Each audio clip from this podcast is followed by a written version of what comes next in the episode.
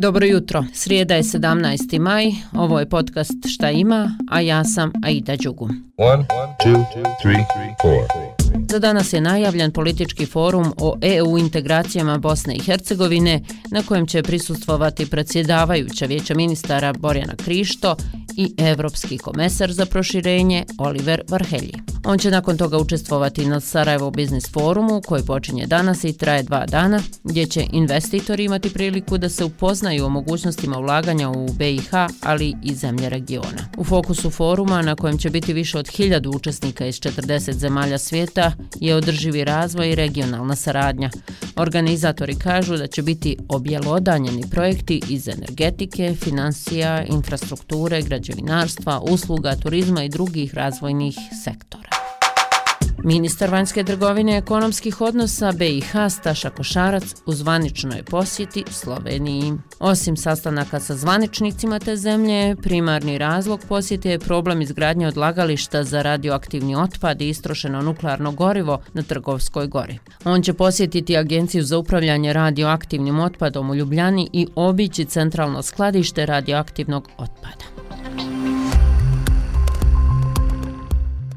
A u Narodnoj skupštini RESA, kako su najavili, održat će se Međunarodna naučna stručna konferencija o uvredi i kleveti u pravu tog entiteta i zemljama regiona. Navodi se kako je želje da se ta tema osvijetli sa različitih aspekata iz ugla naučne i stručne javnosti. Samo malo da podsjetim, trenutno je zakon o kriminalizaciji klevete u javnoj raspravi, a usvojenim izmjenama krivičnog zakonika RS-a kleveta se tretira kao krivično dijelo za koje prijete novčane kazne od 2.500 do 60.000 eura. Usvajanje zakona su osudile brojne domaće i međunarodne organizacije te ambasade u BiH, a najglasniji su novinari koji smatraju da se tako guše medijske slobode. Siniša Vukelić, predsjednik kluba novinara Banja Luka, na početku javne rasprave je rekao. Ovdje se argumenti ne uvažavaju i smatramo da novinarska zajednica napuštajući ovu javnu raspravu je demonstrativno pokazala svoj jasan stav. Povucite nacrt zakona.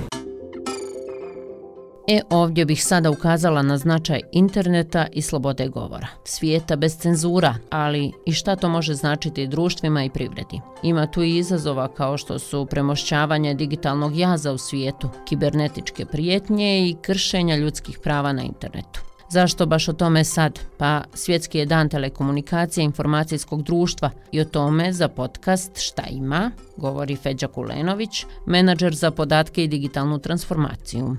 IKT tehnologije se u razvoju privrede koriste već dugo i one su i glavni pokretač razvoja privrede. Međutim, tu moramo uzeti u obzir da sve to onda i zaključava znanje od opet samog hardvera, dakle sad ne možete kupiti traktor i ne možete ga sam popraviti s obzirom da je čitava tehnologija zaključana. To je neki izazov s kojim se moramo početi suočavati. A što se tiče korištenja vještačke inteligencije, tu je najveći izazov u stvari u vlasništvu i distribuciji samog profita, ali i znanja koje sad za sad ne postojeće s obzirom da je AI, to jest vještačka inteligencija više izmišlja nego što govori činjenice.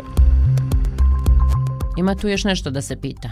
Koji su to takozvani lažni mediji, o čemu treba voditi računa prilikom objavljivanja sadržaja na Facebooku? Na ova pitanja odgovore će dati pilot projekat Medijska pismenost 60+. A ideja je da u trajanju projekta od aprila do juna ove godine izgradi se kritički odnos sprem internetskih sadržaja među starijim osobama iz BiH i regiona. Autorica projekta je Lidija Pisker, nagrađivana BH novinarka i istraživačica. Istraživanja pokazuju da osobama starije životne dobi nedostaju znanja o sigurnom korištenju interneta u većem procentu nego mlađim osobama. Zato se recimo dešava da starije osobe češće vjeruju i dijele dezinformacije i da češće postaju žrtve online prevara. Osim toga i edukativni programi medijske pismenosti su uglavnom usmjereni na mlade pa osobe starije životne dobi nemaju priliku savladati potrebne vještine. Evo i jedne vijesti koja može biti danas, ali može biti sutra. Tako je rečeno iz Ministarstva odbrane za radio Slobodna Evropa. A riječ je o osmatračkom letu iznad BiH zemalja Beneluxa, Portugala, Rumunije i Španije, a sve u sklopu međunarodnog ugovora Otvorenog neba. Eto ga, ova srijeda će izgleda biti zanimljiva, a ja vam isto tako želim zanimljiv i uspješan dan. Ćao!